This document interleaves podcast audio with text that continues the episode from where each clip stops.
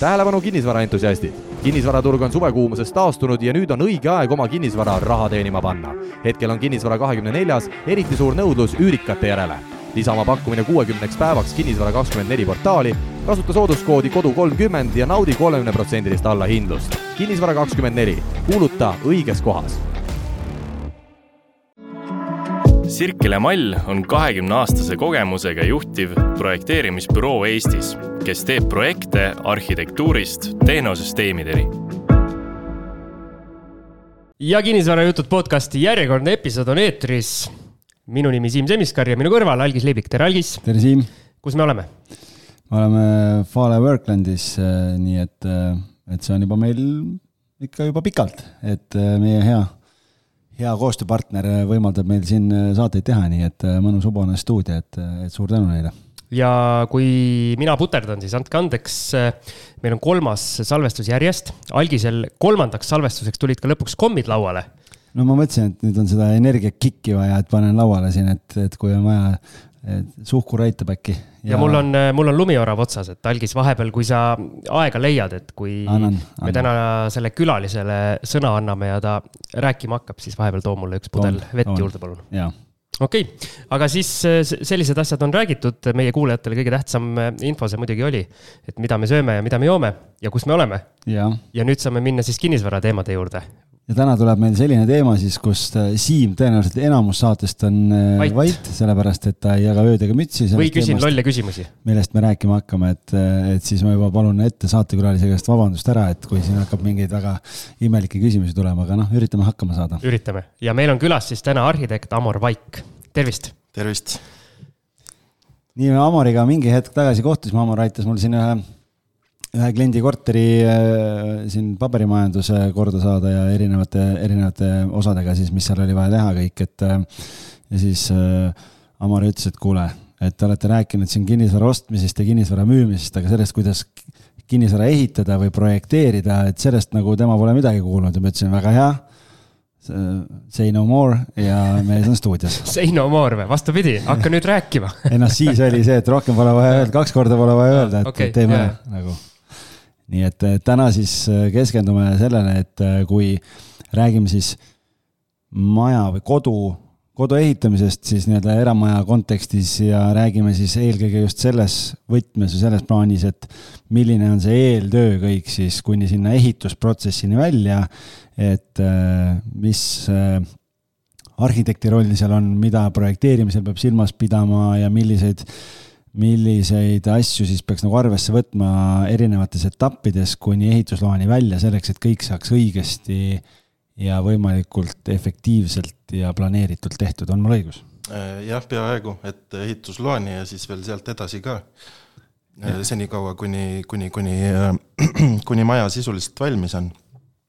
aga vist OneEstate'iga on meil varem ka kokkupuudet olnud või? jaa, sa oled mind, meid erinevate asjadega aidanud nii Tallinnas kui Pärnus, nii et selles mõttes on, on äh, hea, kui selline spetsialist on kõrval, kellega saab äh, mingeid protsesse, protsesse koos teha, nii et, et selles mõttes on tihtipeale minu jaoks väga keerulised tunduvad asjad äh, Amarile ära rääkides, siis kuidagi väga, väga, tunduvad väga lihtsad äh, tema jaoks, aga, aga minu jaoks nagu raketiteadus. aga luba, ma alustan nende küsimustega, sest esimesed küsimused, ma vaatan, on need, millest mina ka aru saan veel. no väga hea, ma jagasin jah, siit alguses ikkagi nagu tausta ka natuke. võtame natuke tausta lahti, et millega sa oma igapäevatöös ja, ja tegemistes tegeled?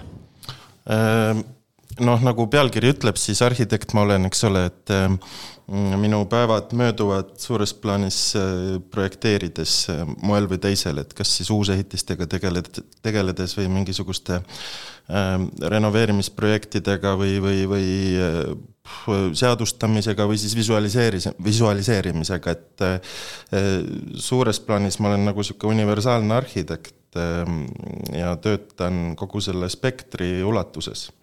Et, et, et kui midagi kui midagi tekib sellist, millest nagu endal jõud üle ei käi, siis, siis leiame jällegi nagu võrgustikus tegija, on ju, et.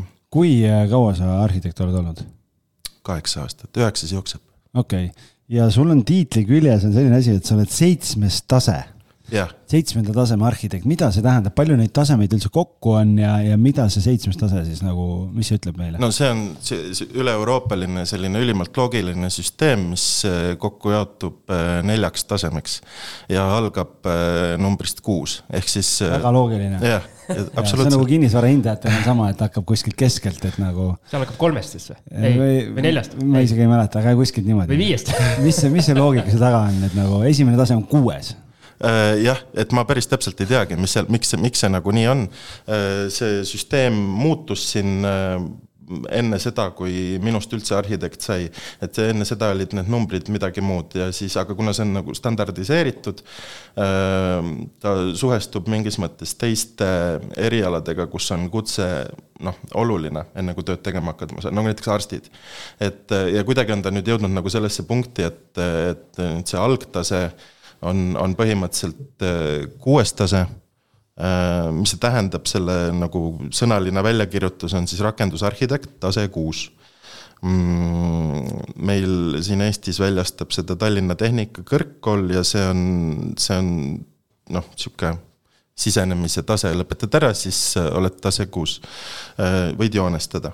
Mm, ja siis sealt edasi läheb asi ainult loogilisemaks, tuleb kaks tase seitset, üks on diplomeeritud tase seitse äh, ja siis järgmine on volitatud tase seitse, mina olen momendil diplomeeritud tase seitse. ma juba kahetsen, et Algis selle küsimuse küsis nii, räägi edasi. nii, äh, diplomeeritud tase seitse võib siis oma pagunitega äh, projekteerida üksikelamuid, mille ehitusalune pind ei ületa sada kaheksakümmend ruutu ja vist oli mingi kriteerium seal veel. Äh, ja volitatud seitse, temal on siis vabad käed, võib kõike teha. Mm.. mida peab tegema, et saada diplomeeritust volitatuks, mulle tundub justkui, et diplomeeritud on nagu selline noh, ikkagi nagu pagunitega ja volitatud on selline noh, poolkõva, aga tuleb välja, et on vastupidi nagu.. ja vastupidi jah. Ehm, et ehm, võib-olla alustaks üldse sealt, et mis, mis, kuidas saada tase kuuest eh, diplomeeritud ja, seitsmeks. et siin on kaks varianti, üks on ehm, kas eh, lõpetada ära ülikoolis programm, mis on vastavalt, vastavalt akrediteeritud magistriprogramm lõpetad ära, koos siis lõpetamisdiplomiga tuleb, tuleb see diplomeeritud tase seitse ka kätte. neid väljastavad meil EKA ja TTÜ. Mm, ja siis sealt edasi volitatud seitse on võimalik saada ainult töökogemuse põhjal ehm, ehk siis ütleme, kolm-neli aastat peale diplomeeritud seitsme saamist tuleb minna arhitektide liitu ilusti, näidata ette, mis sa oled teinud ja siis, kui kõik on õnnelikud, ise kaasa arvatud, siis äh, see volitatud seitse kutsetunnistust tuleb kas äh, tehtud tööd äh, võtad kõik sahtlisse joonistatud asjad välja või on ikkagi nagu, seal peavad olema tööd, mis on reaalselt nagu kasutusse läinud ka mm,? ta on nüüd mõneti erinev vastavalt, kas sa liigud tase kuuest diplomeeritud seitsmeni või siis seitsmest seitsmeni või diplomeeritud, diplomeeritust volitatuni aga ütleme, minul on nüüd siis see umbes aasta aja pärast on see volitatud seitsme taotlemine päevakorras. Ehm, eh, siis antud juhul peab olema ka üks maja, mis on reaalselt päriselus teostatud. okei okay.. jah. aga ma tean, et sa oled ka, okei okay,, oota, enne kui me sinna läheme ja mis see kaheksas tase siis? see on nüüd äh, sihuke äh, lõpubossi tase või äh, see on kõrgeim võimalik ja selle sisuline nimetus on arhitekt-ekspert Äh, tase kaheksa. kas see on iga arhitekti märgunenägu või? Äh, noh, kas just nii, et äh, seitsmes tase võimaldab iseenesest kogu, kõike nagu ise teha. Ähm, volitatud seitsme, seitse kaheksas annab juurde siis võimaluse osaleda žüriitöödes ja nii edasi, et siukse noh, kriitikat teha. hinnata sinusuguseid. minusuguseid, täpselt, täpselt, täpselt. kas, sa ütlesid, et see on lõpubossi tase, et kas selleks, et ise lõpubossiks saada, tuleb üks lõpuboss maha lüüa? Eh, õnneks mitte kellegi seda jalga saagima või vaipa kuskilt tirima ei pea minema? Õnne, õnneks, õnneks ei pea, et neid kohti tõenäoliselt seal veel vabu on, eks ole.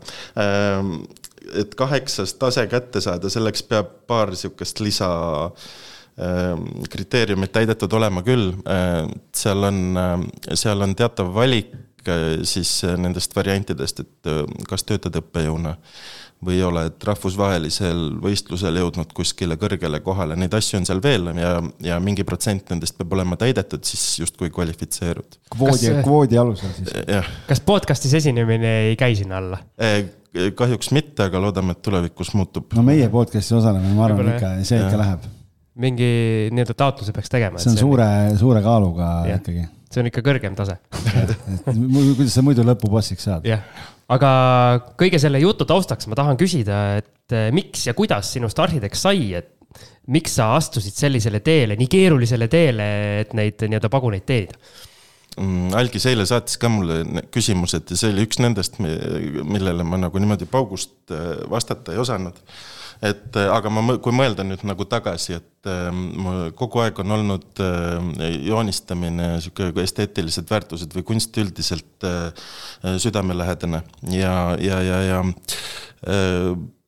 mul tekkis, ma ei tea, põhikoolis äkki mingi sihuke idee, et vot, et kui ma nüüd kunagi suureks saan, siis see arhitekti amet on midagi, mida võiks nagu ära proovida. ja siis see kestis kuni gümnaasiumi viimase klassini ja siis üks hetk olin, istusin Õismäel sõbra juures ja mõtlesime, et mis nüüd eluga edasi saab ja, ja ja siis samaaegselt oli, oli arvutis lahti, et Lennuakadeemias on äh, ettevalmistuskursused, siis mõtlesime, et noh, et väga lahe, et äh, lähme teeme ära, aasta aega kestavad. Äh, mõeldud-tehtud ja siis ma alg-, algselt läksingi üldse õhusõiduki inseneeriat õppima Lennuakadeemiasse. et põhimõtteliselt oli sihuke pikk pikk aeg, kus ma teadsin, et see arhitektuur tuleb ära, siis päevapealt kõik muutus ja, ja, ja sai hoopis teine suund valitud ja siis kuskil selle õppe, noh, sel esimesel aastal ma nagu taipasin, et et võib-olla see esimene valik oli ikkagi õige, et äh, minu jaoks et äh, vahel tuleb teha mõni, mõni nii-öelda enda jaoks vale otsus, et siis aru saada sellest õigest, eks ole. ja, ja, ja siis ma tulin, see on Tartus on Lennuakadeemiast, tulin Tallinnasse tagasi, läksin arhitektuuri ja, ja, ja see siiamaani kestab, et äh, iga päev õpin, kool on küll läbi, aga kuidas Eestis, kui palju meil arhitekte on, kas meil on neid üle, kas meil on neid puudu, on see selline prestiižne äh, eluala, millega kaasneb ka kõrge palk ja äh, sellised glamuursed vastuvõtud um,? prestiižne ta kõrvaltvaatajale, ma usun, et mingil määral on um, ise seal sees olles, et sa harjud nagu selle suure prestiižiga ära, eks ole. et, et ta noh, ta on, ta on selles mõttes äh, minu nagu iseloomuomadustele väga hästi vastav ähm, amet, et ma, see ükski projekt ei ole samasugune. igal, igal asjal on omad nüansid ja, ja see on nagu sihuke pidev areng ja õppimine, et ähm, mm, see, see, ses mõttes ma olen nagu väga õnnelik, et sihuke otsus tehtud sai mm,. palk, et ähm,. sul on oma ettevõte, eks? Et on. sina ju ei ole eh, või oled sa kuskil suuremas büroos ka olnud ja sealt välja kasvanud või sa ikkagi läksid kohe oma, oma teed? kohe ei läinud, see on, see on päris keeruline, et eh, see noh, nagu sa alguses ütlesid, et küsid palju totraid küsimusi, on ju, et eh, täitsa alguses tuleb need ise ka ära küsida, muidu ei tea, mida teed ehk siis eh, kõige parem on seda kuskil kellegi pädeva, kellegi pädeva juhendamisel nagu õppida ja, ja nii läks ka minuga, et ma olen siin suuremates, väiksemates büroodes eh, täiesti seinast seina projektidega nagu tegelenud. kuni lõpuks jõudsin tõdemuseni, et nüüd tuleb ise toimetama hakata. näed, Siim, ikka ettevõtjaks tuleb hakata, et, et, et siis on aga. haljale oksale. algis, algis segas vahele, sa tahtsid just kõige tähtsamast ehk palgast hakata rääkima, et kuidas see palgatase arhitektidel äh, Eestimaa peal on? mm,? no alati saab äh, viriseda, eks ole äh, aga ma arvan, et see. meie saates ei ole see lubatud jah, et ma arvan, et see palk on matu-, natukene kõrgem Eesti keskmisest üldjuhul et mingit pudrumäed ja piimajääd ei ole, aga sihukese elamisväärse elu saab omal absoluutselt, see on. et raha pärast keegi nii-öelda arhitekt, arhitektiks otseselt äh, õppima ei hakka?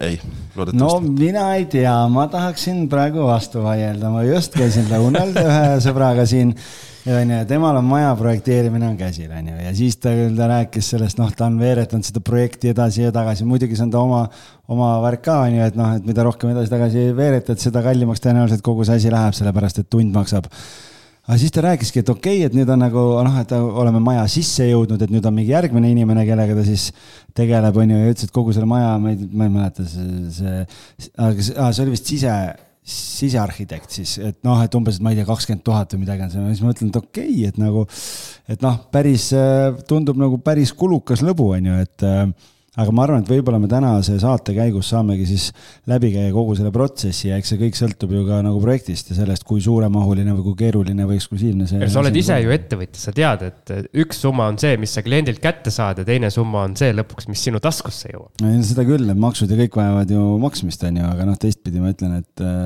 et algis on väga Mihkel teiste taskutes sobrama. Aor siin sugarcoat ib lihtsalt nagu, sihuke hoiab madalat profiili lihtsalt siin, et et muud ei olegi vaiki, see ilme oli päris. see ilme, kui ma oleks selle fi saanud äh, filmi peale meile story'sse, siis see oleks kõik öelnud, aga, aga okei okay,. Lähme edasi. las ta jääb, las ta jääb. milline on arhitekti tüüpiline tööpäev, et mis tegevusi see sisaldab? No eks see sõltub, mis äh, parasjagu on käsil. Ähm, et äh, tööpäevad on tegelikult niisamuti erinevad, nad korduvad võib-olla rutiini mõttes mingisuguse mõnekuuse intervalliga nagu ühe mehe bürool, just nii, nagu mina seda pean. et ähm, ütleme nii, et ma tegelen ühe projektiga, seal on mingi, mingi äh, selline järjekord asjadest, mis tuleb ära teha, siis tuleb järgmine ja suures plaanis no ütleme, alates eelprojektist see, see, see asjade järjekord, mis tuleb ära teha, on jälle seesama ähm, Äh, küll, küll on nende asjade sisu teine, maja on teine, aga, aga mingisugune sihuke raamistik on sama. Ähm, ehk siis äh, lühidalt ma istun arvutis, äh, klõbistan, mängin hiirega, mudeldan, panen kokku ehitusdokumentatsiooni, teinekord visualiseerin mm, vastan algise kõnedele ja ta küsimustele. see on kõige tüütum osa kindlasti. kindlasti ja, ja selline ta on aga sa oled nüüd kaheksa, üle kaheksa aasta olnud, et äh, näed sa ka kuidagi noh, meil tehnoloogia on ju tohutult arenenud äh, tänasel, eriti siin äh, mingilt tehisintellekti ajastul ja nii edasi, et, et kui palju sinu töö tänu sellele on lihtsamaks läinud kaheksa aastaga? Mm, kaheksa aastaga mitte nii väga, et see põhimõtteliselt digirevolutsioon on see asi, mis on kõige suurema muutuse projekteerimisse üldiselt toonud mm,. aga see juhtus, noh, need juured on kuskil võib-olla kolmkümmend aastat tagasi, et kui koliti paberilt arvutisse mm,, areng, mis seal on toimunud vahepealsel ajal, on äh, pigem äh, sedaviisi, et kahemõõtmelisest projekteerimisest on äh, liigutud kolmemõõtmelisse, ehk siis nüüd me teeme mudeleid, äh, majade digitaalseid koopiaid ja siis selle, selle põhjal tekib ka see ehitusdokumentatsioon mm,. mis on paremaks läinud, et see mudeldamine üldiselt aitab äh, vältida igasuguseid geomeetrilisi vigu, siukseid näpukaid äh, oluliselt. Neid mudelid, mudeleid on võimalik kontrollida mm, siis viimasel ajal, ütleme viimase kaheksa aasta teema võib-olla tõesti ongi BIM projekteerimine ehk siis building information modeling. Äh, kus, kus see mudel on siis veel nagu omakorda pulkadeks jagatud selles mõttes, et igas elemendi, igal elemendil, mis seal mudelis on, on oma mingisugune niisugune metadata taga, mis seda iseloomustab ja siis selle põhjal on võimalik põhimõtteliselt juba hindasid teha, ehitusgraafikuid ja nii edasi, et äh, ja loodetavasti me jõuame ka sinna punkti, kus äh, kus ehitusdokumentatsiooni hakatakse menetlema äh, mudelipõhiselt no aga see on ju ka kadalipp ja seda kõik arendajad räägivad, et täna kõige suurem pudelikael ongi see, et, et, et see kogu see dokumentatsioon, noh, okei okay,, me räägime detailplaneeringutest ja asjadest, et kinnisvaraseminaril ka räägiti, et ma ei tea, kümme aastat on täna Tallinna linnas on see menetlusaeg, et kuidas on see täna võimalik sinuga arhitekti vaatest? et kui kõik on täna juba läinud elektrooniliseks ja, ja kõik on nagu niimoodi, et kuidas see võtab nii kaua aega? Mm.. jaa, et äh, projekteerimise juures võib-olla see kõige keerukam osa äh,, noh, ütleme, ütleme maja põhjal on see eskiisiprotsess mm,. ülejäänud on kõik sihuke arhitekti jaoks nagu joonestamine või see nagu see raamistik on üpris selge, mida peab tegema. aga eskiis ehk siis see, mida me, mida, mida me hakkame tegema või see kokkulepe nii-öelda see, see nõuab loksutamist ja mõtlemist ja arusaamist ja tegelikult detailplaneeringu protsess on ju selle nagu veel selle eskiisi nagu isa, et, et, ähm, ähm, just see kokkulepe, et mida me nüüd teeme, selle üle arutlemine, see kõik võtab aega. Äh, sealt edasi läheb juba, need lähevad need ajad väiksemaks. okei okay,, okei okay.. Siim, tahad sa Amori töö või hingeelu kohta teada midagi, enne kui me läheme selle nii-öelda erinevad, kogu selle protsessi juurde siis, et kuidas, kui Siim Vaidas tahab hakata kinnisvaraarendajaks ja, ja eramaja äh, ehitama või, või, või paarismaja, et mida ta tegema peab, et äh, on sul mingeid küsimusi veel? ei, see oli väga ammendav ja väga huvitav, äh, huvitav sissejuhatus ja enne, kui me lähme nii-öelda asjast rääkima, siis teeme ühe lumiorava veepausi. sobib? sobib Sirkele Mall on kahekümne aastase kogemusega juhtiv projekteerimisbüroo Eestis, kes teeb projekte arhitektuurist tehnosüsteemideni.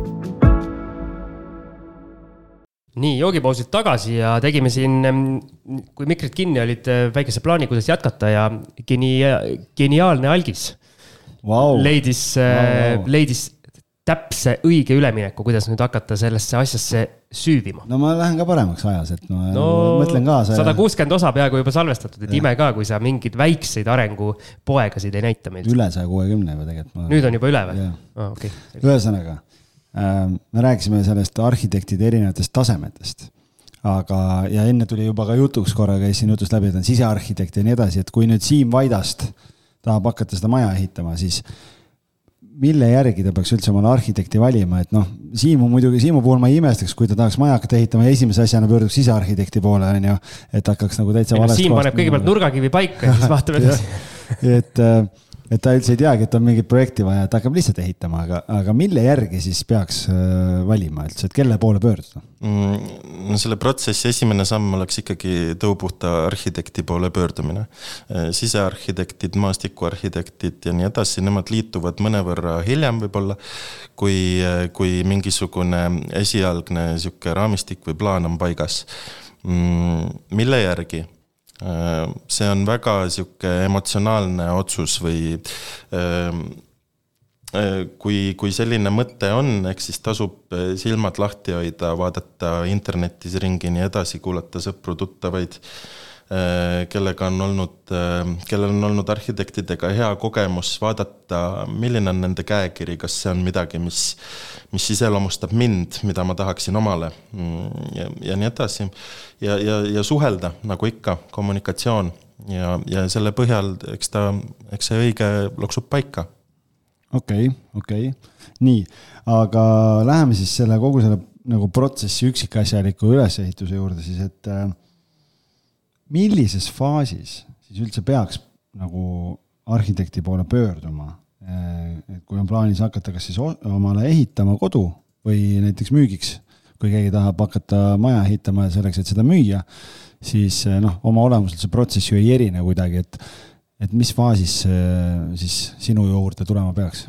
no üldjuhul satutakse minu juurde, kui miskit on nagu justkui juba olemas, et kas on maa kuskil või mingi mõte ehm, kui maa on olemas, siis äh, sõltuvalt nüüd nendest äh, soovidest, vajadustest, unistustest, võib-olla kõik äh, mõtted antud asukohas ei ole realiseeritavad.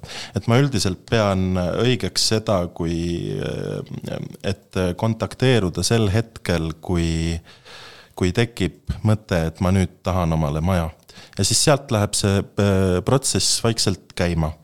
Ähm, hakatakse kas maad otsima ähm, Äh, uurima, mis on, mis on nendes konkreetsetes asukohtades üldse võimalused, et seal, seal on arhitektil nagu natukene niisugust juhenda, juhendatavat rolli või aitavat, abistavat rolli ähm, äh, olemas, et, et nüüd see lõppresultaat äh, iseloomustaks seda, mis, mis need esialgsed mõtted enam-vähem äh, kujutavad. okei okay., aga kui äh kui ma leian mingi maatüki, noh, ütleme, et see ei ole elamumaa täna, et see on maatulundusmaa näiteks, noh, et ähm, ja sa näed, et see on sellise koha peal või, või kuidagi sa näed seda perspektiivi seal, et oh, vot seal ma tahaks, et see, see maja on, siis äh, mingit äh,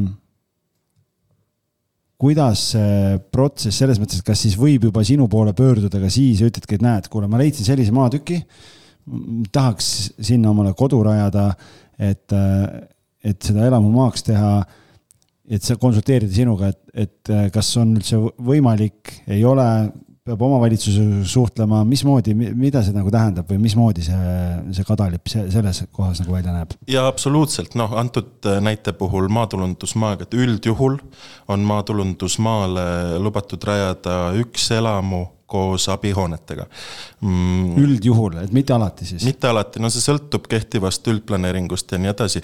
kui ma õigesti mäletan, siis sul vist oli kunagi mõte Paldiski maantee äärde midagi ja, rajada ja, ja, ja, ja see jäi ära, sellepärast et seal, äh, seal oli kas mets oli kaitse all, kui ma ei eksi? seal oli niimoodi, et äh, ma leidsin ühe maatüki, kus oli mõte üks selline äh, ärihoone tek-, siis teha nagu selline kogukonnamaja ja siis ma kirjutasin Amarile, ütlesin, et kuule, et näed, et sihuke maatükk, ma helistasin maaklerile, on ju, ütlesin, et noh, et teil on siin pealkirjas on ärimaa, elamumaa, maatulundusmaa, tegelikult sihtotstarve oli maatulundusmaa, siis ma küsisin, et kas äh, on teada, mida sinna ehitada tohib?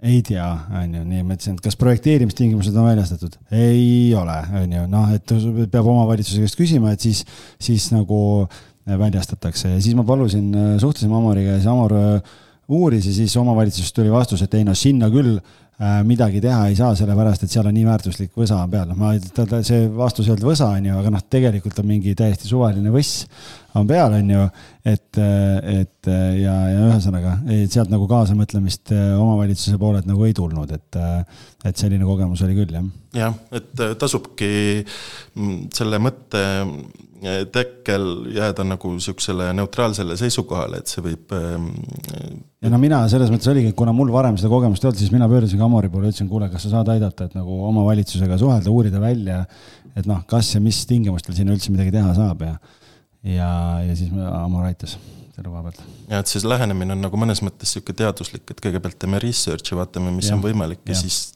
teeme nagu päris. enne äriplaani valmis ei hakka tegema, et. jah, jah kas äh, saan ma nüüd õigesti aru teie sellest nii-öelda dialoogist, et äh, sina siis, Amor, oled see, kes äh, omavalitsusega ühendust võtab ja uurib, mis seal saab teha ja mis seal ei saa teha? no üldjuhul küll, seal ma orienteerun hästi selles maailmas, aga kui klient soovib ise, jumal hoidku, palun. okei okay,, siis ma küsin sinu käest, kui palju on neid omavalitsusi, kus äh, automaatselt tuleb see vastus, et umbes, et ei saa midagi, et äh, ärge üldse proovige, versus, et kes nii-öelda mõtlebki kaasa ja võib-olla tahab nagu kaasa aidata? no päris, päris sellist asja üldiselt ikkagi ei ole, et nad teevad seal mingi ühiku tööd, vaatavad üle oma üldplaneeringud ja nii edasi.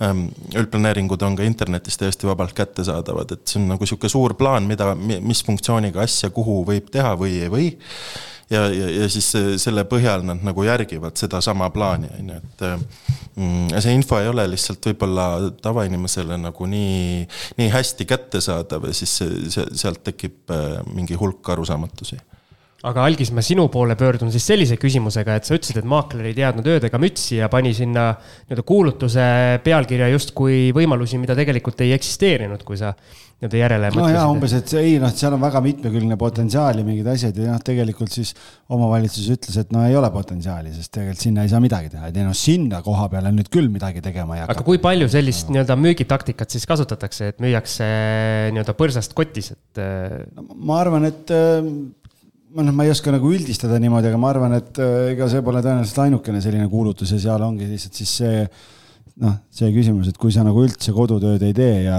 ja ostad ära ja hakkad siis nagu tegelema sellega, et siis on nagu hapud viinamarjad. ühesõnaga maa ostmisel mina nüüd täieliku diletandina saan aru, et kui ma tahan mingit maatükki osta, siis enne kui ma seal äh, hakkan igasugu rahasid äh, notari deposiiti kandma ja notarist käima, siis tuleks ühel Amori-sugusel mehel nööbist kinni võtta ja küsida, et kuule, aita mees, on nii? Täpselt nii. jess, nägid? kõik õige. ole hoiatatud nüüd, et su postkast täitub kirjadega, et kus inimesed äh, tahavad abi saada, nii et äh, aga okei okay., ühesõnaga äh, siis kui me räägime, okei okay,, selle maatulundusmaa see sõltub üldplaneeringust, eks mm., et aga kas muidu, kui on nagu maatulundusmaa ja sinna on lubatud ehitada siis üks hoone ja üks kõrvalhoone, et kas need ähm, tingimused, projekteerimistingimused või see ehitusmaht või kuidagi, kas need on ka kuidagi nagu piiritletud või, või erinevad elamumaa tingimustest või on seal midagi olulist nagu teada sellega seoses?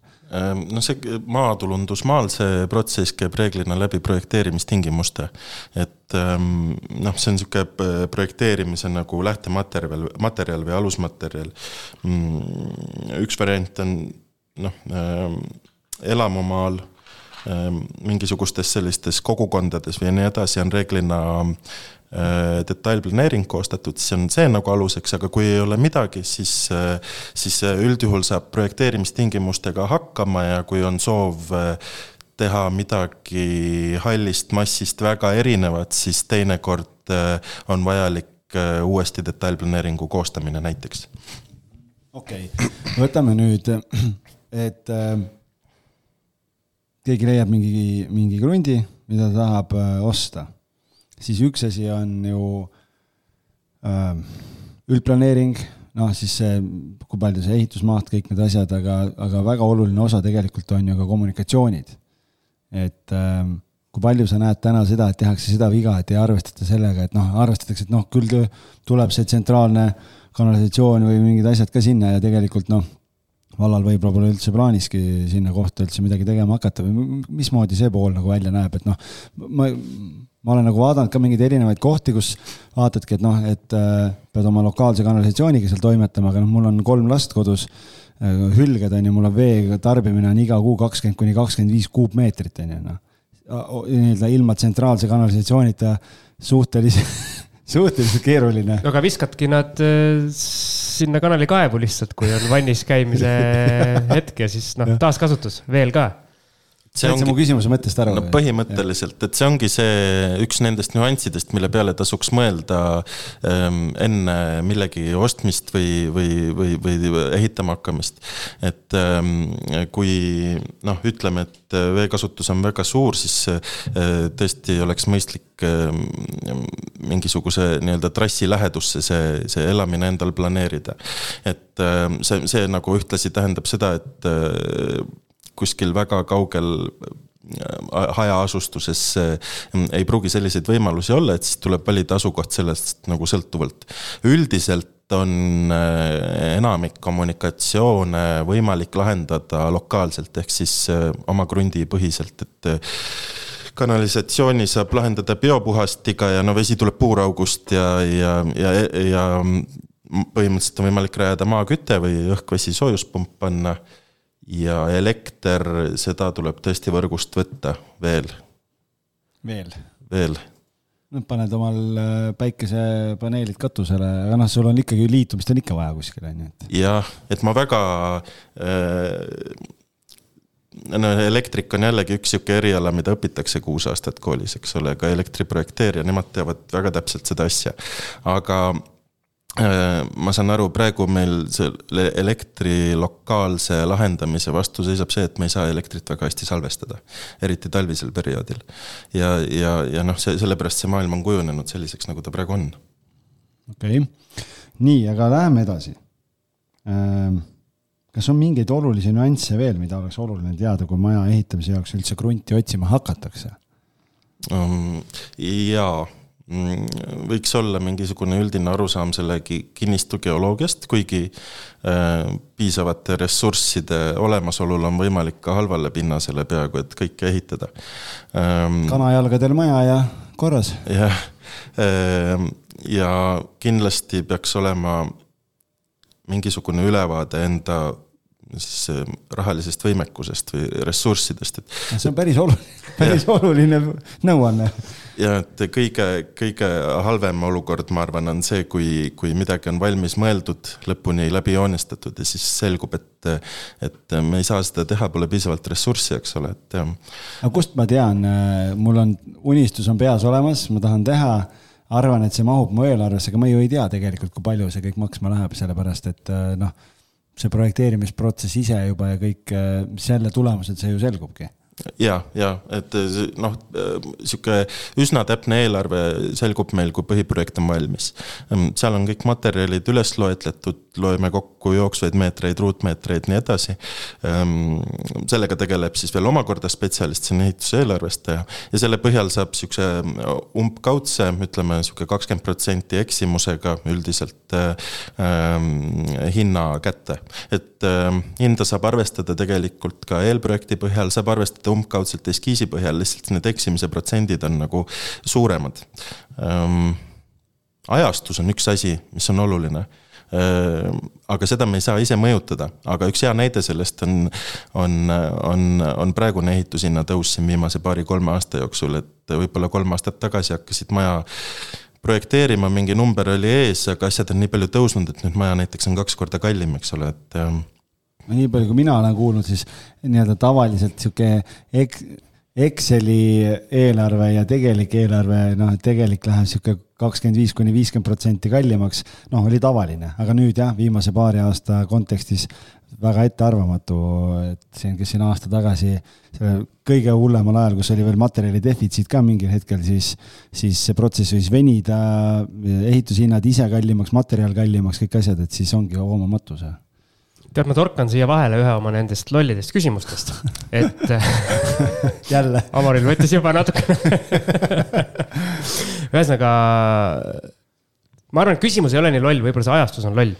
millal ma seda küsin, et äh, aga sa rääkisid sellest ajastusest, et räägi, mis on kõige kiirem aeg mis äh, või millega saab ühe objekti tehtud, alustades esimesest kõnest äh, arhitektile, lõpetades sellega, et objekt on valmis ja inimene kolib sisse mm,? mingi ühik äh, aega kulub kindlasti ehitamisele, on ju, et selle, selle, selle numbri saab ehitajalt hästi kätte siis, kui projekt on valmis.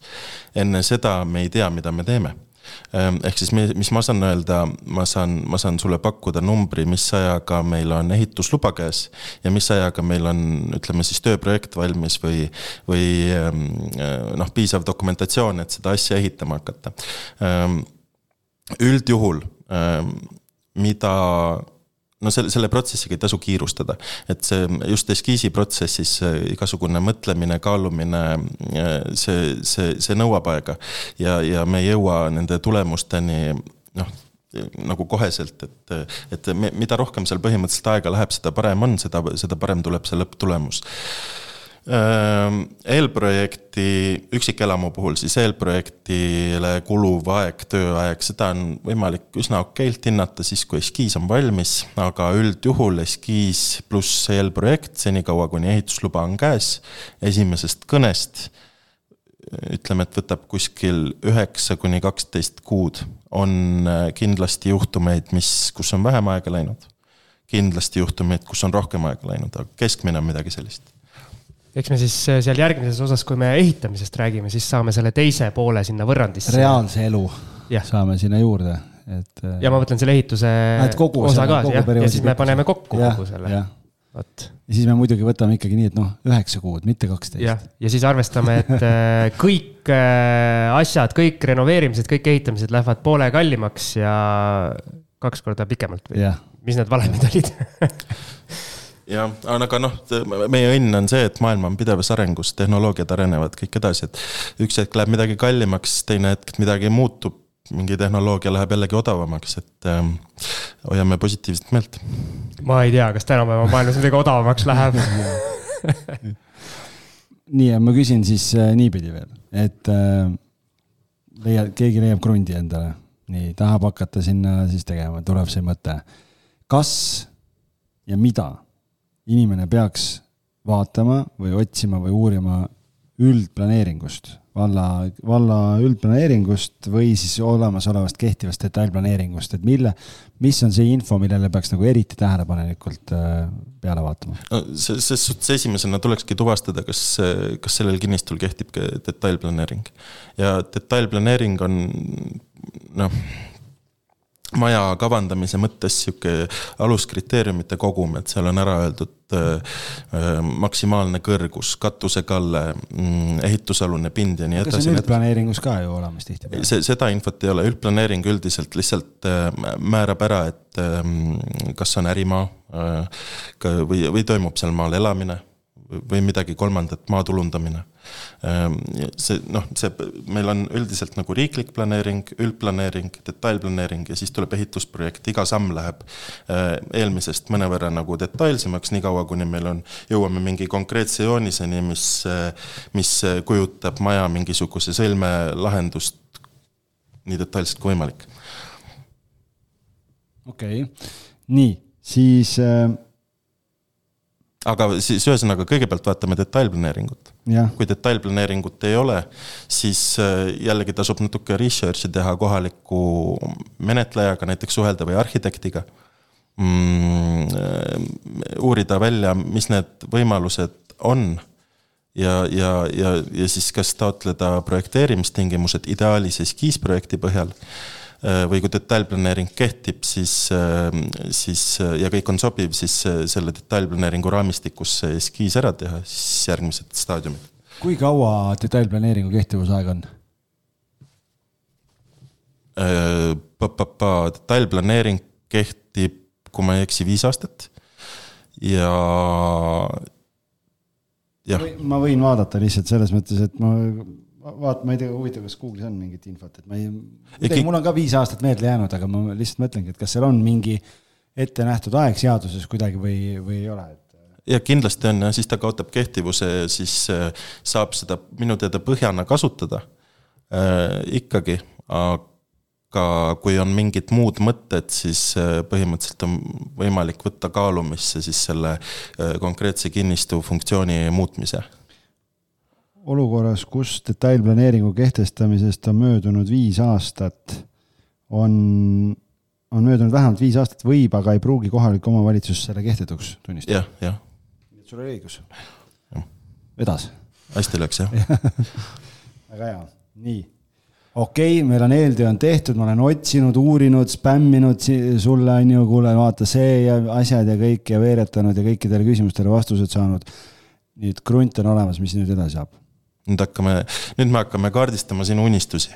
Ehm, ja mitte ainult unistusi, ka vajadusi. Ehm, üritame välja mõelda sel-, just sellise ruumiprogrammi just nii suurte ja nii paljude ruumidega, nagu, nagu, nagu sinul on vaja. Ehm, iga eks iga inimene on omade nii-öelda nüansside või kiiksudega, on ju, et need on, äh, need, need parameetrid on jällegi nagu erinevad, et see põhimõtteliselt äh, eskiisi koostamine on niisugune arhitekti, kliendi vaheline puhas suhtlus, kus me õpime üksteist tundma ja siis selle, selle tulemusena paneme paika selle maja niisuguse esialgse visiooni mul üks äh, sõber rääkis, kuidas nendele arhitekt palus kirjutada essee, nii naisel kui mehel.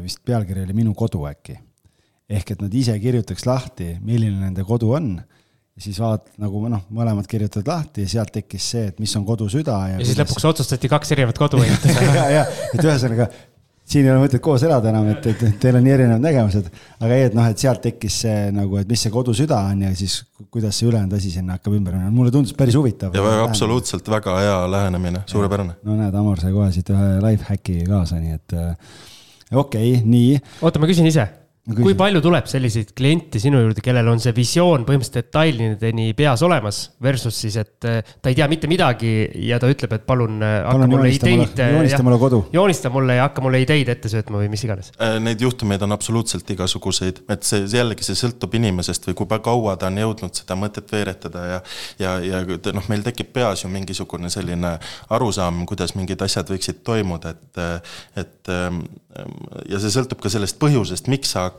omale järgmist kodu nagu ehitama või rajama, et kas, kas, kas on kas on, äh, äh, ma ei tea, lapsed tulemas ja on kiire selle asjaga või siis, või siis see on mingisugune lapsed, unistus. või on mida, lapsed minemas. või on lapsed minemas, jah. või siis on mingisugune unistus, mida sa oled püüdnud realiseerida või selle peale mõelnud juba, ütleme, kakskümmend aastat, eks ole. et sellest tulenevalt see, see on väga erinev ja, ja alguses tulebki nagu põhimõtteliselt tuvastada, et mida me, mis, mis on juba nagu olemas. ja, ja noh, võib ka juhtuda, et kõik mõtted võib-olla mingis soovitud asukohas, nad ei päde seal. ei õnnestu niimoodi teha teha, et siis peab noh, hea on hoida nagu sihukest avatud meelt ja, ja, ja need mõtted kuidagi nagu reformuleerida või, või ümber kujundada eh, nii, et see, see asja tuum, see oluline osa jääb alles. ja aga võib-olla natukene teises vormis. kui palju sa oled pidanud ütlema klientidele, et eh, okei okay,, visioon on ilus, aga sorry, et seda asja me ei saa teha seal, eh, seda asja me ei saa teha, et üks, mul on olnud ainult üks kategooriline selline juhtum, aga lõpuks kõik endiselt lahenes hästi, et noh, mida, nagu ma enne kirjeldasin, et väga selge visioon oli peas, aga see, see lihtsalt ei toiminud selles konkreetses asukohas. ja, ja, ja noh, sellega ei olnud võimalik nagu sellisel kujul edasi liikuda, aga teistpidi noh, natuke ümber teha ja jälle sõidame. aga tavaliselt kas kliendid kuulavad arhitekti või, või kui sa annad neile mingeid soovitusi või üritad nende seda nii-öelda idee tuuma just äh, lahendada, mitte võib-olla konkreetselt seda küsimust, mida nad äh, või seda visiooni, mida nad ütlevad, et kas nad nagu ajavad sõrgu vastu või, või on nagu sinu infole vastuvõtlikud?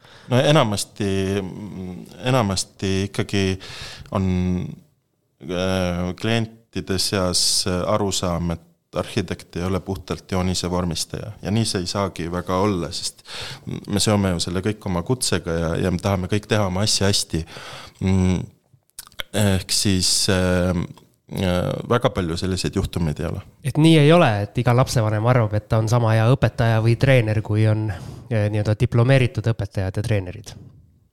jah. kindlasti on neid ka, kes tahavad olla. ei, ei kindla-, kindlasti jah, jah aga no okei okay,, võtame nüüd, et Siim tuleb, on ju, tal on oma unistus, kõik on peas, on ju, ta teab, on ju, kõik, mul on kolm last. ma tahaks Vaita teha kahekümne nelja korruselise pilvelõhkuja optimistlik. On jah? pigem ei lähe läbi, ma ei usu, aga võib-olla. kui sa piisavalt kaua näitad äh, entusiasmi sellel teemal ja piisavalt palju uksi kolistad, siis võib-olla lõpuks ja, ja ja, ja kus me teame, äkki Tallinn üks päev kasvab nii suureks, et Vaida ongi pilvelõhkujate piirkond. no vot, no nii, uus äh, Silicon Valley. uus eesmärk on nii kaua elada nüüd siis aga, aga teine pool on nüüd see, et kui keegi tahab hakata müügiks tegema noh, siis ta, tema nägemus ei ole nii palju emotsionaalselt laetud, vaid ta enam-vähem kujutab ette, et okei okay,, sinna võiks kolida, Siim hakkab nüüd tegema, mõtleb, et sinna Amor võiks tulevikus kolida oma noh, teeme niisuguse saja, saja kahekümne ruuduse, tuleb, on ju, kaks-kolm last, no mis tal veel on vaja, seal on ju, ütleme, kolm magamistuba, no saun võiks olla, mingid asjad, et ähm, suur garaaž. kui palju need nagu sinu vaatevinklist arhitektina erinevad, et, et üks on see, et sul tuleb nii-öelda klient, kes hakkab endale tegema versus see, kes hakkab tegema müügiks. et äh, kui palju lihtsam või keerulisem ühe või teise kliendiga nagu töötada on mm,? no kes teeb müügiks, siis see mm, temal on nagu mingisugune arusaam reeglina sellisest toimivast ärimudelist või noh, see, see kajastub juba nagu ruumiplaanis ja, ja nendes ruutmeetrites ähm, kui tuleb eh, nii-öelda tavainimene või klient, eh, kes soovib omale kodu rajada, siis see on üsna niisugune intiimne protsess. et eh, seal, seal seda loksutamist on selles mõttes nagu palju, et müügi, müügiga läheb võib-olla ütleks noh, mõnevõrra kiiremini, mitte oluliselt ehm, jah, ja välja on, on välja kujunenud nagu mingisugune niisugune praktika juba, et, et noh, meil ka ruumiprogramm on mõnes mõttes viimastel aastatel natukene muutunud, on ju, niisugune üldine, et nüüd järsku, kui, kui, kui see viirus puhkes, siis leidsime, et, et kodukontor oleks üks hea asi, mis oma majapidamises olla võiks ja nii edasi. et sel-, sellised nüansid seda suures plaanis mõjutavad, jah see on huvitav teema, ma tahan korra sinna sisse tulla, just see nii-öelda erinevate majade ja korterite layout, et mis need, mis see kõige viimane moesuund äh, hetkel on, et mis see kõige parem lahendus hetkel on? mm,? parem jällegi on sihuke hea küsimus, et. minu parem on parem kui sinu parem. jah, et äh, uhuhuu, kuidas, kuidas, kuidas võtta. aga näed sa mingit trendi või mingit? no vaata, vahepeal on niimoodi, kui me korteritest räägime, siis äh, nõukaajal olid kõik nii-öelda eraldi köögid, uks käis kinni, naine oli köögis, mees oli vaatas, vaatas toas telekat ja laps oli kuskil kolmandas toas. siis vahepeal tuli ju see täielik buum, kõik need elutuba, köök olid täiesti koos, et diivani pealt astusid mm -hmm nii-öelda pliidi ette ja mulle tundub, et nüüd on jälle natukene hakanud, hakanud minema see pendel nagu tagasi, et ikkagi see köök tahetakse eraldada veidi, veidi sellest elutoast. olen ma valesti aru saanud? et avatud köök on tõesti sihuke väga populaarne lahendus, siiamaani on, aga tõesti nüüd hakkab tagasipoole minema, et äh, köögis äh, toimetades eralduvad äh, lõhnad, gaasid, nii edasi, kui uks on vahel, mille saad kinni tõmmata, siis noh su, suures jaos see probleem nagu elimineerub, eks ole, et mm, jah absoluutselt algid vaatad. ma vaatan sind imestunud näoga, et kuidas sa selliste trendidega nii kursis oled. no kuule, ma olen ikkagi Vaidas, me oleme sellised nii-öelda hipsterilaadsed tooted seal, et seal info liigub. okei okei nii, aga äh, kui me räägime nüüd sellest maja projekti koostamisest, siis et noh, keegi tuleb, tal on rohkemal või vähemal määral või ei ole üldse siis ettekujutus sellest, et, äh, et mida ta tahab kuidas see nagu mitmeks etapiks see kogu see protsess äh, siis nagu tükkideks võetuna jaguneb? Äh, etappe võiks siis kokku olla äh, ütleme viis, esimene on siis lähteülesande formuleerimine. Te, tegelikult kõige esimene kokkusaamine on see, see põhiteema on tegelikult see, mida me siin täna arutame. et me räägime kõik protsessid läbi kaardistame, siis tuleb, tuleb mingi aeg noh, lihtsalt mõelda, ehm, et ja seedida neid mõtteid, mis sellest esimesest kokkusaamisest saanud on. aga üldiselt kogu selle info põhjal paneme kokku lähteülesande. Ehm, defineerime ära, mis on siis selle konkreetse projekti edu ja edu valem ja siis hakkame eskiisi tegema, loksutama ja, ja eskiisi tulem on siis äh, visuaalne graafiline jooniste kogum, vajadusel ka mudel, kui vaja. Ehm, mis, mis ongi siis selle nagu selle lähteülesande nii-öelda vormistus geomeetrias. Mm, sealt edasi ehm, liigume eelprojekti faasi, eelprojekti point on äh, saada kätte ehitusluba kui nüüd eskiisi faasis on suhtlus põhiliselt arhitekti ja kliendi vaheline, siis eelprojektist tulevad ka teised osad mängu. et on vaja lahendada see maja ära ka tehniliselt, ehm, noh, eelprojekti sisu ongi nagu selle maja, maja tehniline kirjeldus, eks ole, et ehm, lisandub konstruktor Äh, kütte, veeinsener, vee ja, kütte, ventilatsiooni ja jahutusinsener, kui täpne olla, vee- ja kanalisatsiooniinsener, äh, elektriinsener, koostatakse energiamärgis, kui kui on soov rajada, soov või vajadus rajada päikesepaneelid, kas siis kinnistule või, või katusele, siis äh, päikesepaneelide projekteerija ja nii, ja siis sõltuvalt nendest nagu nüanssidest võib-olla mõni osapool veel. Ähm, ja, ja siis selle tulemina, tulemina tekib äh, äh, jooniste pakk, millega me saame edukalt ehitusloa taotleda. kõik need vajalikud spetsialistid sina organiseerid siis ära, et oleks organiseeritud? jaa, minu võrgustikus on nad kõik olemas, kui vaja ja kui kliendil on omal soov mingi konkreetse spetsialisti järgi muidugi, aga, aga leiab läbi minu jah, absoluutselt. enne kui me nüüd edasi lähme, Algis, ma saan aru, tahab veel sukelduda täpsemalt sinna, mis, miski nendest sammudest. Nagu just, just, aga ma arvan, meie külalisel on äh, nii-öelda kurk natuke kuiv sellest rääkimisest yeah., et lumiora ootab ja teeme väikse pausi mmm, maasikad. selle sügise kõige suurem uusarenduste kampaania on alanud. kinnisvara kakskümmend neli letilt leiad parima valiku energiatõhusaid, stiilseid ja iseloomuga kodusid. tutvu parimate pakkumistega juba täna www.kinnisvara24.ee kaldkriips maasikad. oleme pausilt tagasi. Algis, võta sõnajärg üle ja ma tahtsin veel küsida, tulles tagasi korraks nüüd, enne kui me läheme kaevame sinna igasse etappi eraldi, et et täna on ju tegelikult internetis on nii palju informatsiooni olemas, et noh, mul endal kargas pähe, et ma mingi hetk sattusin surfama mingi Z500 äkki või, või mingi sihuke lehekülg oli, kus on, ma kohe vaatan, ma nii jah, siin on projektid, on ju, et ja siin on erinevad majad erinevas suuruses, mingid asjad, ma vaatan, neil on siin on tuhat viiskümmend neli projekti. Ehk et väga erineva kujundusega siin ma ei tea, funkstiilis maju, noh, kõik, mida erinevaid, saad suurused asjad paika panna, mitu korrust, kas garaaž või mingid asjad on või ei ole. ja siis tekivad siit äh, mingid äh, projektid silma ette, kus sa saad vaadata nii nii-öelda visuaalset poolt, kui siis eelkõige, ma just mõtlen seda nii-öelda põrandaplaani poolt, ehk et ja siis see sealt, sealt annab juba ju mingi ettekujutuse, mis sul seal kodus olla võiks, mida sa sinna tahad ja siis sa saad vaadata, milline projekt kõige rohkem sobida võiks ja selle baasil tulla sinu juurde, siis oleks see töö juba ju oluliselt nagu produktiivsem mõlemale poolele, on mul õigus? jaa, absoluutselt, et see on väga-väga sihuke hea äh, kui, kui on, kui, kui on mingi selline protsess juba omal käel nagu justkui läbi tehtud, et mm, üks variant on muidugi katalooge vaadata ja nii edasi, teine variant Äh, näiteks Pinteresti scroll ida, leida sealt mingid elemendid, mis, mis, mis väga meeldivad, need kokku koguda ja näidata. Mm, kas või meie kinnisvaraportaale sirvida, äkki hakkab sealt midagi silma ja nii edasi ja nii edasi ja nii edasi, et, et ähm, väga hea on, kui sellest kõigest tekib mingi kogum ja millega siis äh, tulla arhitekti juurde ja, ja, ja, ja ja, ja sealt hakata ka no mõnes mõttes nagu filtreerima, aga, aga üldiselt seda projekti koostama just just selle, nende ideede põhjal. okei okay,, noh, siis ma olen õigel teel. aga lähme edasi, lähme nüüd siis sinna, sinna projekti erinevatesse etappidesse, et räägime eelprojektist kõigepealt siis, mille jaoks seda vaja on e? eelprojekt on vajalik ehitusloa taotlemiseks. okei okay., ja millist infot või, või mida, mida selle jaoks vaja on, et kui, kui mina, kui ma nüüd tahan hakata tegema midagi, siis mida sa mult ootad? Äh,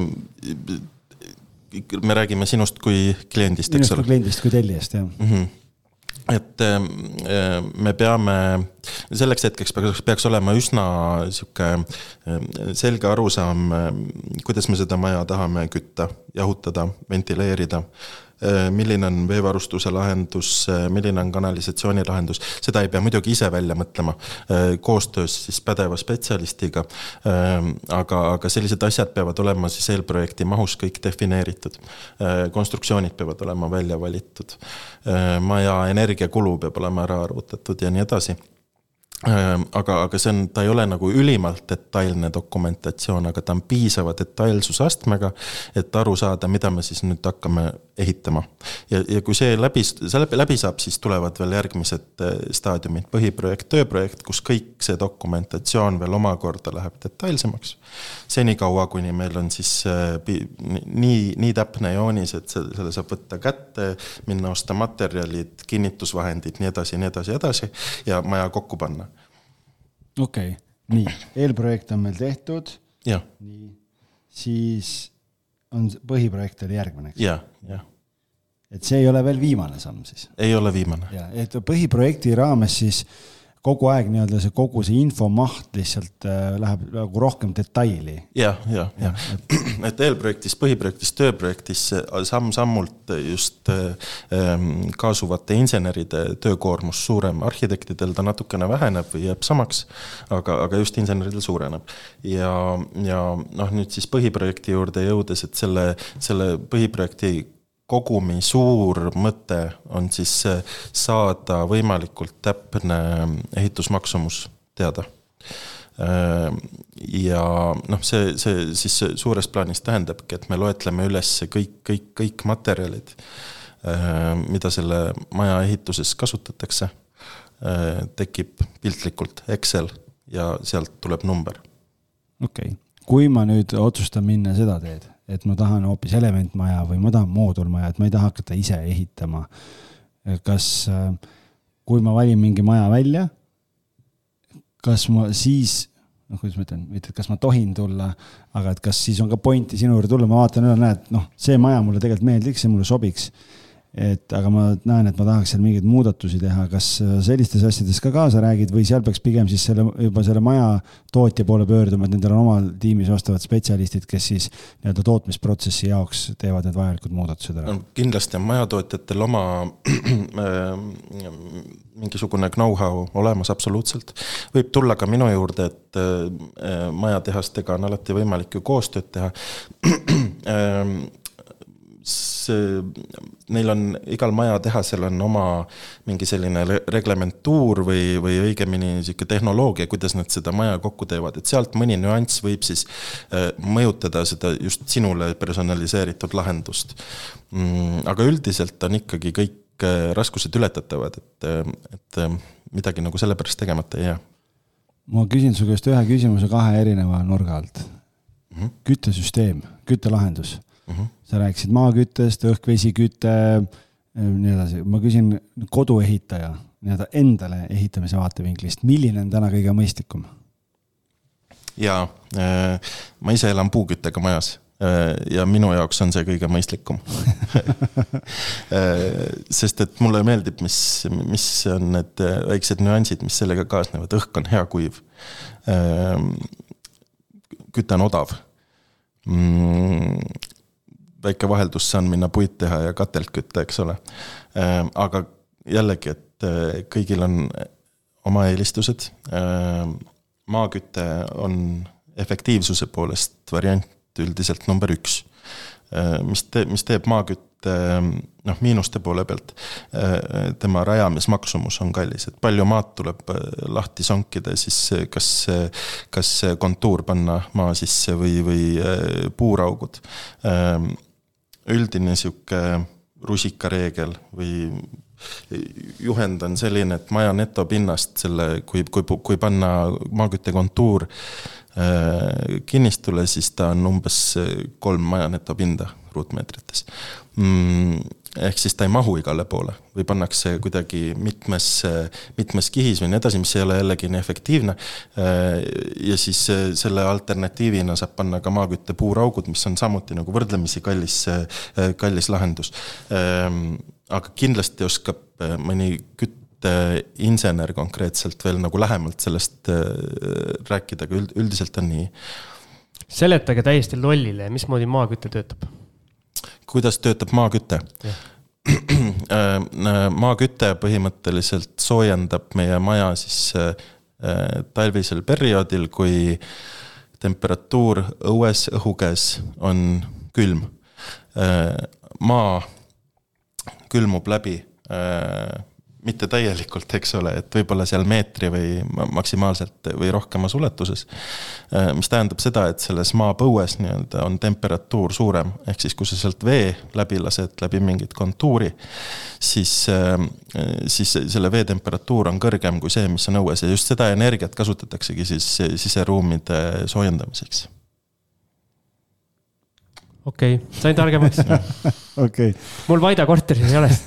Nii, ma küsin sama küsimuse kinnisvaraarendaja tooli pealt või noh, kui ma tahan nüüd äh, ehitada maja ja ära müüa. milline on kõige mõistlikum finantsilises mõttes nii-öelda, et sa ütlesid, et maaküte on üks kallimaid, aga kas siis õhk-vesi või, või on see mõni, mõni variant veel? õhk-vesi on variant, õhk-õhk on variant, äh, kindlasti on mingeid variante veel. Ähm, meil on äh, üldiselt kehtivad sisekliimanõuded ehm, ja, ja päris iga maja nagu puukütte pealt ehm, eh, kütta ei õnnestu, et nende nõuetega kooskõlas olla. ehk siis ehm, no ütlemegi, et need põhilised variandid on maaküte, õhk-vesi, õhk-õhk. selgita Siimule, mis on õhk-vesi ja õhk-õhk kütte vahe? esimene sõnapool õhk, vesi, õhk, õhk äh, iseloomustab seda, kust energia võetakse ehk siis õhust. ja teine sõna. õhust ja armastusest. õhust ja armastusest. ja, ja teine sõnapool iseloomustab seda, ähm, kuidas see äh, energia soojuseks üle kandub. ehk siis, kas äh, võtame õhust välisõhust õhku ja puhkame, puhkame seda soojendades siseruumi, mis on siis õhk-õhk. või siis on äh, põrandal näiteks äh, veeküttekontuurid ja, ja seda samuti soojendatakse siis välisõhust äh, võetava energia toel ahah, see on nagu see õhkmaa raketid on midagi sarnast see on, see on veel järgmine mõõde jah, et õhk, vesi, õhk, õhk ja õhk-maa jah ja. okei okay,, väga hea, Siim. no ma saan, ma mõtlen, ma saan selles teemas, ma olen väga hästi kodus. oled kodus väga hästi ette valmistanud nii, okei okay., nii ähm,, siis ähm, selle kohta juba, meeskonna kohta juba küsisime. mis on need kõige suuremad vead, mida sa arhitektina näed, et nagu mida tehakse kogu selle protsessi käigus nagu kliendi poolt just mm,?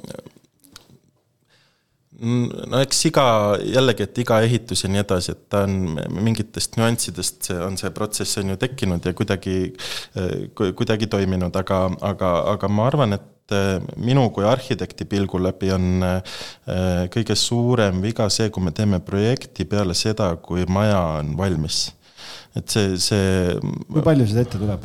aeg-ajalt ikka tuleb, ma arvan, et see tendents eh, langeb kiirelt nüüd kaasajal Ehm, üldiselt ikkagi kõigepealt planeeritakse ja siis ehitatakse, mitte vastupidi kas mõned ehitavad ka nii, et ei ole ei projekti, ehitusluba, mitte midagi, me just Pealtnägijas oli siin mingi lugu, kus ah, mingi, mingi vanapaar sinna Sõpruse puiestee äärde. no aga kui nad teavad täpselt, mida nad tahavad. noh jah, et ma ju tean ja nende loogika oli selles, et kui me valmis teeme, küll siis nendele ametnikele ka meeldima hakkab. no ja nii päris enam, enam ei õnnestu jah, et Ehm, sellised juhtumid võivad lõppeda lammutamisega. kui ma ei eksi, siis Paldiski maantee kinnistu on kohtutäituri oksjonil. see, mida. jah, jah, jah. see ei olnud Paldiski maantee? Ei, see oli, vabandust, jah, see oli äh, Sõpruse puiestee. Aa, sa, aa see, sa mõtled seda? Ja see, kus ne, nemad ehitavad ja seal oligi selle uudis äh, see, seal tuligi see välja lihtsalt, et kuna nendele sunniraha oli juba üle viiekümne tuhande või midagi, mida nad ei olnud ära maksnud yeah., siis kohtutäitur pani selle müüki, see hind oli mingi alla kahesaja tuhande natuke vist, et keegi saab tea, selle. Alis vaatab minu otsa. keegi no, saab selle ära osta. et, et just, just sellistest ähm, vaatepunktidest vaadates need probleemid äh, üldjuhul tekivadki. ja, ja noh, et neid vältida, siis nagu ka üldiselt elus, et kõigepealt mõõdame ja siis lõikame mul on sellised kaks küsimust vahepeal tekkinud, jälle minu sealt kategooriast, lollide küsimuste kategooriast. esiteks, milline nendest etappidest, mida, millest sa siin rääkinud oled või mida kirjeldanud oled, milline sulle isiklikult kõige rohkem meeldib? ja teiseks, kas arhitektid, kui lõpuks nende nii-öelda äh, tehtud äh, teos siis ütleme, lõpuks ka päriselus valmib majana. kas arhitektid sõidavad töölt koju minnes salaja sealt maja eest mööda ja vaatavad, see on minu tehtud asi ja siis alles siis sõidavad koju? eks no minu jaoks on ikkagi see eskiisiprotsess nagu kõige, kõige põnevam. Ehm, ja siin, siin nagu suurt, see on, see on, see on see nagu see loominguline pool, ehm, kus, kus saab kus saab eh, ennast korraks loojana tunda. Ehm, ja vastus su teisele küsimusele on see, et vahel ikka, aga mitte kogu aeg. Et arhitektidel on reeglina nii palju tööd, et mingi järgmine asi ootab, aga tore on muidugi vaadata midagi, mis on valminud, see on, see on väga eriline tunne. aga kui fotograafidel on selline portfoolio parimatest töödest, et kas arhitektid ka enda nii-öelda portfooliot äh, hoiavad või kokku panevad? jaa, ikka, no üldiselt need on äh, kujutatud siis arhitektide enda personaalsel veebisaidil või kuskil sotsiaalmeedias ja, ja nii edasi, et portfoolio on üldiselt sihuke must have. kui palju tekib arhitektil selliseid objekte karjääri jooksul, sa ei pea nüüd enda nii-öelda kogemuse pealt äh, vastama, aga üldiselt siis äh, eeldama, et äh, mõni objekt saab valmis ja sa justkui ei taha seda enda omaks nimetada mingil põhjusel. ma, ma usun, et ka igal arhitektil on sellist olukorda ette tulnud, et äh, näiteid toomata. Et ehm, noh, võib-olla midagi seal teekonnal juhtub ja mingeid asju tuleb vahetada välja, nii et et see lõpptulemus nagu ei korreleeru või ei, ei lähe kuidagi kokku ja, ja siis see, see, see lumepall võib nagu sinnakanti rulluda, et väga ei, ei taha omaks võtta, on ju, et noh, kindlasti kuskil ta on, aga see ei ole reegel absoluutselt ja üks eh, mu viimane küsimus lollide küsimuste seeriast. Eh, kas igal arhitektil tekib mingi selline käekiri ka, mis on nagu kõrvaltseisjale lõpuks või asjast arusaajale? nagu igal kokal on omad maitseained, lõpuks nagu aru saada või ikkagi see projekt eh, on nii nagu tellija nägu rohkem? kindlasti on projekt tellija nägu Äh, see on, projekt on selle konteksti nägu, mis, äh, mis äh, noh, ütleme maja puhul siis seda ümbrust iseloomustab ja mis sellega hästi koos töötab. mingid nüansid mis võib-olla väljenduvad teinekord selle visuaalses esteetikas, on, iseloomustavad siis selle arhitekti nagu konkreetset hoiakut projekteerimise suhtes, eks ole. et keegi paneb ümmarguse akna kuskile või nii edasi. aga, aga üldiselt see, see maja tuleb kokku nagu sümbioosina kõikidest nendest eelnimetatud argumentidest ja siis tõenäoliselt millestki veel ja, ja, ja, ja see nii-öelda see käekiri kui selline, et ta kumab sealt läbi, aga ta ei ole nagu niisugune põhiline kordaja selles valemis. Ma nagu mõtlesin, et kui kunstnikel on niimoodi, noh, kui ma küll kunstiajaloos väga ei kuulanud, mida õpetajad rääkisid, aga umbes ilmselt midagi sellist oli, et noh, et see periood oli siis, kui kunstnik oli armunud ja see periood oli siis, kui tal oli paha olla. et kas arhitektil on ka niimoodi, et vastavalt nagu eluperioodile mingit, mingeid asju viskab nagu sisse? eks äh, ajaloost mingeid vähem või rohkem viljakamaid perioode on kindlasti, aga mul ei tule praegu midagi sellist nagu konkreetselt pähe. et äh, ta on, noh, arhitektuur on selline praktiline kunst. Ähm, ehk siis siiski kunst, aga, aga noh, Picassol oli vist punane periood ja sinine periood, et praegu ei tule pähe, et kellelgi päris selline olukord oleks, et, et jah nii, ja mina võtsin koduleheküljelt, sinu koduleheküljelt võtsin lahti siis äh, sinu tööd, on ju. nii, ja mul tekkis küsimus, sa kindlasti, siin on kindlasti väga, väga lihtne vastus olemas. sina rääkisid, sa oled seitsmenda kategooria diplomeeritud arhitekt, on ju, et saab teha, ma ei tea, kuni sada kaheksakümmend ruutu majad või asjad. ma vaatan su koduleheküljel töid. Vabaduse parkimismaja, Viimsi Vabaõhumuuseum, Helsingi Edela sadam, Rahvusooper Estonia äh, kortermajad, Pärnu südalinna planeering mingid nagu, siin on nagu üksikelamuid on ka, aga kui, kas siis see, et sul on seitsmes tase, tähendab seda, et sa võid sellistes konkurssides kaasa lüüa, aga keegi siis peab nagu mingit abroo veel andma peale sinna või? Äh, noh, üksi konkurssi teha on üldiselt äh, üsna keeruline ähm, just konkursi vaates mõtete põrgatamine ja, ja, ja, ja suhtlemine, kommunikeerimine, vaidlemine, arutamine, äärmiselt oluline, et peeglist seda teha on äh, nagu mm, mitte kõige mõistlikum. mistõttu äh, konkursside puhul on hea, kui on mõni hea sõber või saatusekaaslane, kellega koos neid asju arutada ja siis teha. ja üldiselt seal tiimis on siis ka keegi, kes kannab seda volitatud seitsme paguneid. et see on nagu tiimitöö? ja, ja absoluutselt okay. tiimitöö. no Siim, vaata kortermaja, näed, lai tänav viisteist ja siis on ja. siin, on, äh, näed, mm, oh, mingid üksikelamud ja siin on Helsingi Edelasadam, oh Need on kõik sellised projektid, mida on õnnestunud nüüd selle äh, okkalise tee jooksul lahendada, eks ole. et äh, noh, visioon ju tegelikult mingit pagunit ei vaata, et äh, mõtle ja tee ja just nii ongi. aa, siin on kaasautorid ka, okei okay.. siin on näha, kellega koostöös see, see asi nagu tehtud on. ja, ja absoluutselt. väga äge. ma lihtsalt mõtlen, et, et see on nagu sihuke fantaasiamaailm, mõtle Siim, kus sa saad nagu, lihtsalt lähed kuskile ära ja lihtsalt kujutad ette, kuidas see kõik olla võiks ja siis hakkad seda kõike nagu modelleerima või nagu paberi või sinna arvutisse siis nagu panema, et. siis tuled meie saatesse lollidele küsimustele. mida te sööte või mida te tarbite, et kui te suudate nii ägedaid asju nagu äh, visualiseerida? Äh, no see on äh, selline noh, see on, see ongi see nagu see looming või see, see on, see on see eskiis. et äh, see, see on see, mis paneb silma särama, ütleme suures plaanis. kas, kas see on nagu muusikutel, ma saan aru, et vaata osadel on niimoodi, et tehakse ka mingid on sellised nagu camp'id, et tullakse kokku, on ju, kellelgi on sõnad, siis keegi teine teeb viisi sinna juurde, noh, meloodia, mingid asjad, värgid, et nagu teil on ka niimoodi, et et äh, mõni, iga projekt on nagu erinev, et sina lähed mõnikord mingi visuaaliga, ütled, et mul on väga selge nägemus ja siis hakkate koos seal teised mõtlevad juurde või, või mismoodi see protsess nagu välja näeb? absoluutselt, noh, selles tiimis, kes, kes nüüd ühte konkursi tööd teeb, seal on ka ju igal inimesel oma mingisugune erioskus, et üks tajub seda, seda nüanssi paremini, teine teist. Mm, ja, ja mis nagu omakorda viib selleni, et me vaatame küll ühte ja sama asja, aga erinevatest vaatepunktidest ja siis sellest tekib mingisugune arutelu ja, ja, ja selle arutelu tulemus on siis nagu see parim võimalik lahendus, mis seal üldse eksisteerida saab, meie arvates nii, siis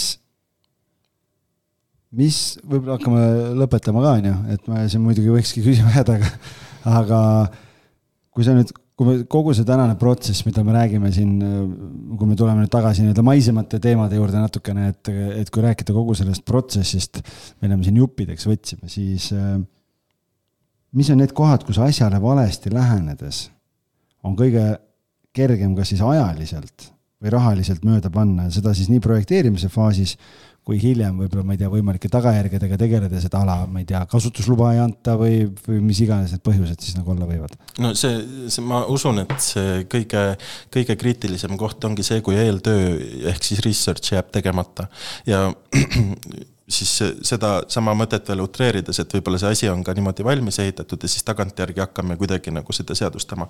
et sellisel juhul äh, võib võib ilmneda mingisuguseid selliseid nüansse, mis nagu ei võimaldagi sellesama lahendusega kuidagi lõpuni liikuda, tuleb kategooriliselt ümber teha.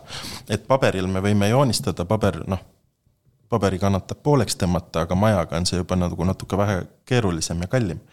Ehm, jah, et see noh, see on põhiline, ma usun.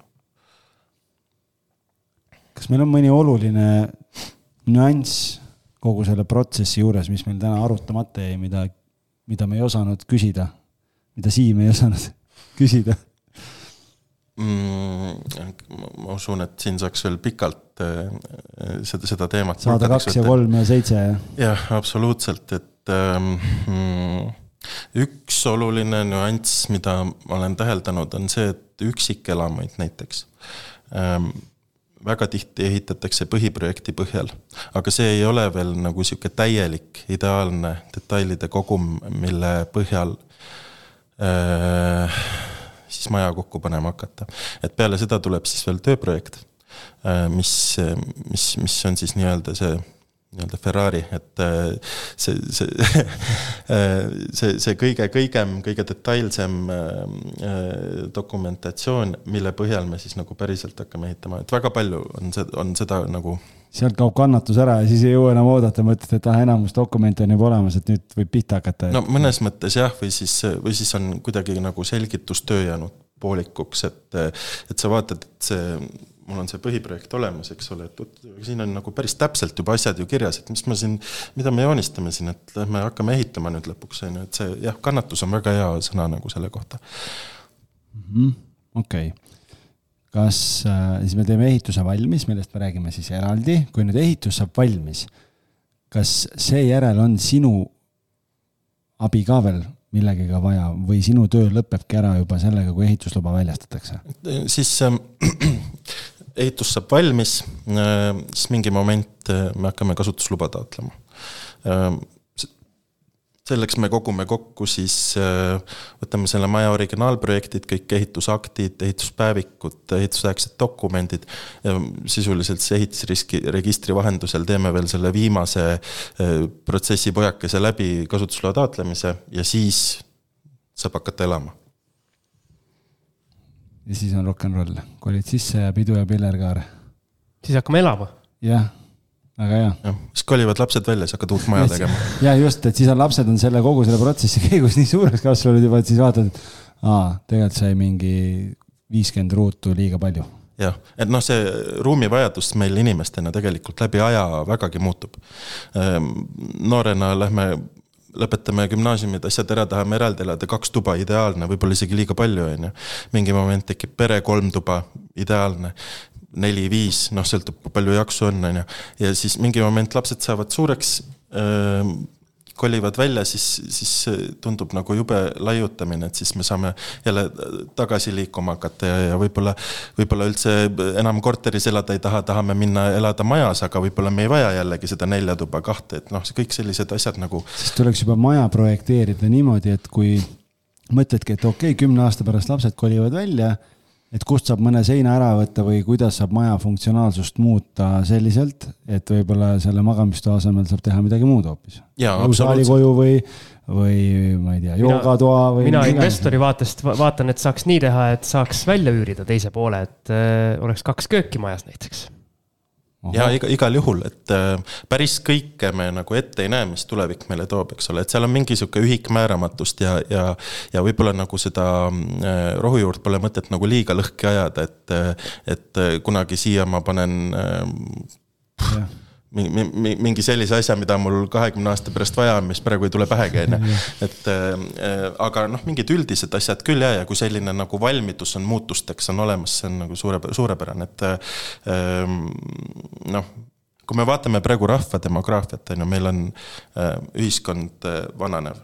et äh, mingis, mingis punktis kogu sellel teekonnal on meil vaja hästi palju lasteaedasid, mingis teises Äh, hooldekodusid. et kui, kui kuidagi need äh, tüpoloogiad nagu omavahel ära siduda niimoodi, et nad töötavad igas astmes, see on noh, see on, see on suurepärane, et väga hea, sustainable. ülikõva, super.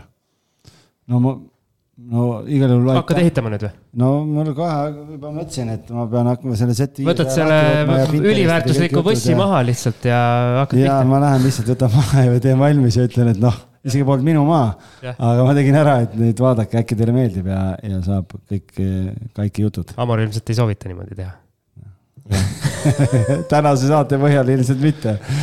kuule, aga aitäh. tee, tee nii, nagu süda ütleb ja. ja, ikka südame järgi, muidugi. mitte suva, mis keegi arvab ju. jah ja,, väga hea see ei olnud äh, nüüd äh, otseselt nõuanne. ja, hea ja, professionaalne soovitus sellisele, sellisele professionaalne saatele, sihuke hea ebaprofessionaalne soovitus. Disclaimer'i korras, et see oli nali, jah ja.? okei okay., kuule, aga tänud sulle, et sa tulid. vaatame, äkki pigistame Amorilt mingi boonusosa ka veel välja ja, ja siis teiega oleme juba uuesti, kohtume nädala pärast. just, olge tublid, tšau. tšau. tšau tähelepanu kinnisvaraentusiastid! kinnisvaraturg on suvekuumusest taastunud ja nüüd on õige aeg oma kinnisvara raha teenima panna. hetkel on kinnisvara kahekümne neljas eriti suur nõudlus üürikate järele.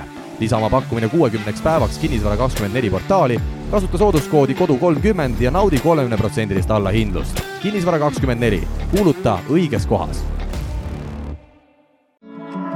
Sirkele Mall on kahekümne aastase kogemusega juhtiv projekteerimisbüroo Eestis, kes teeb projekte arhitektuurist tehnosüsteemideni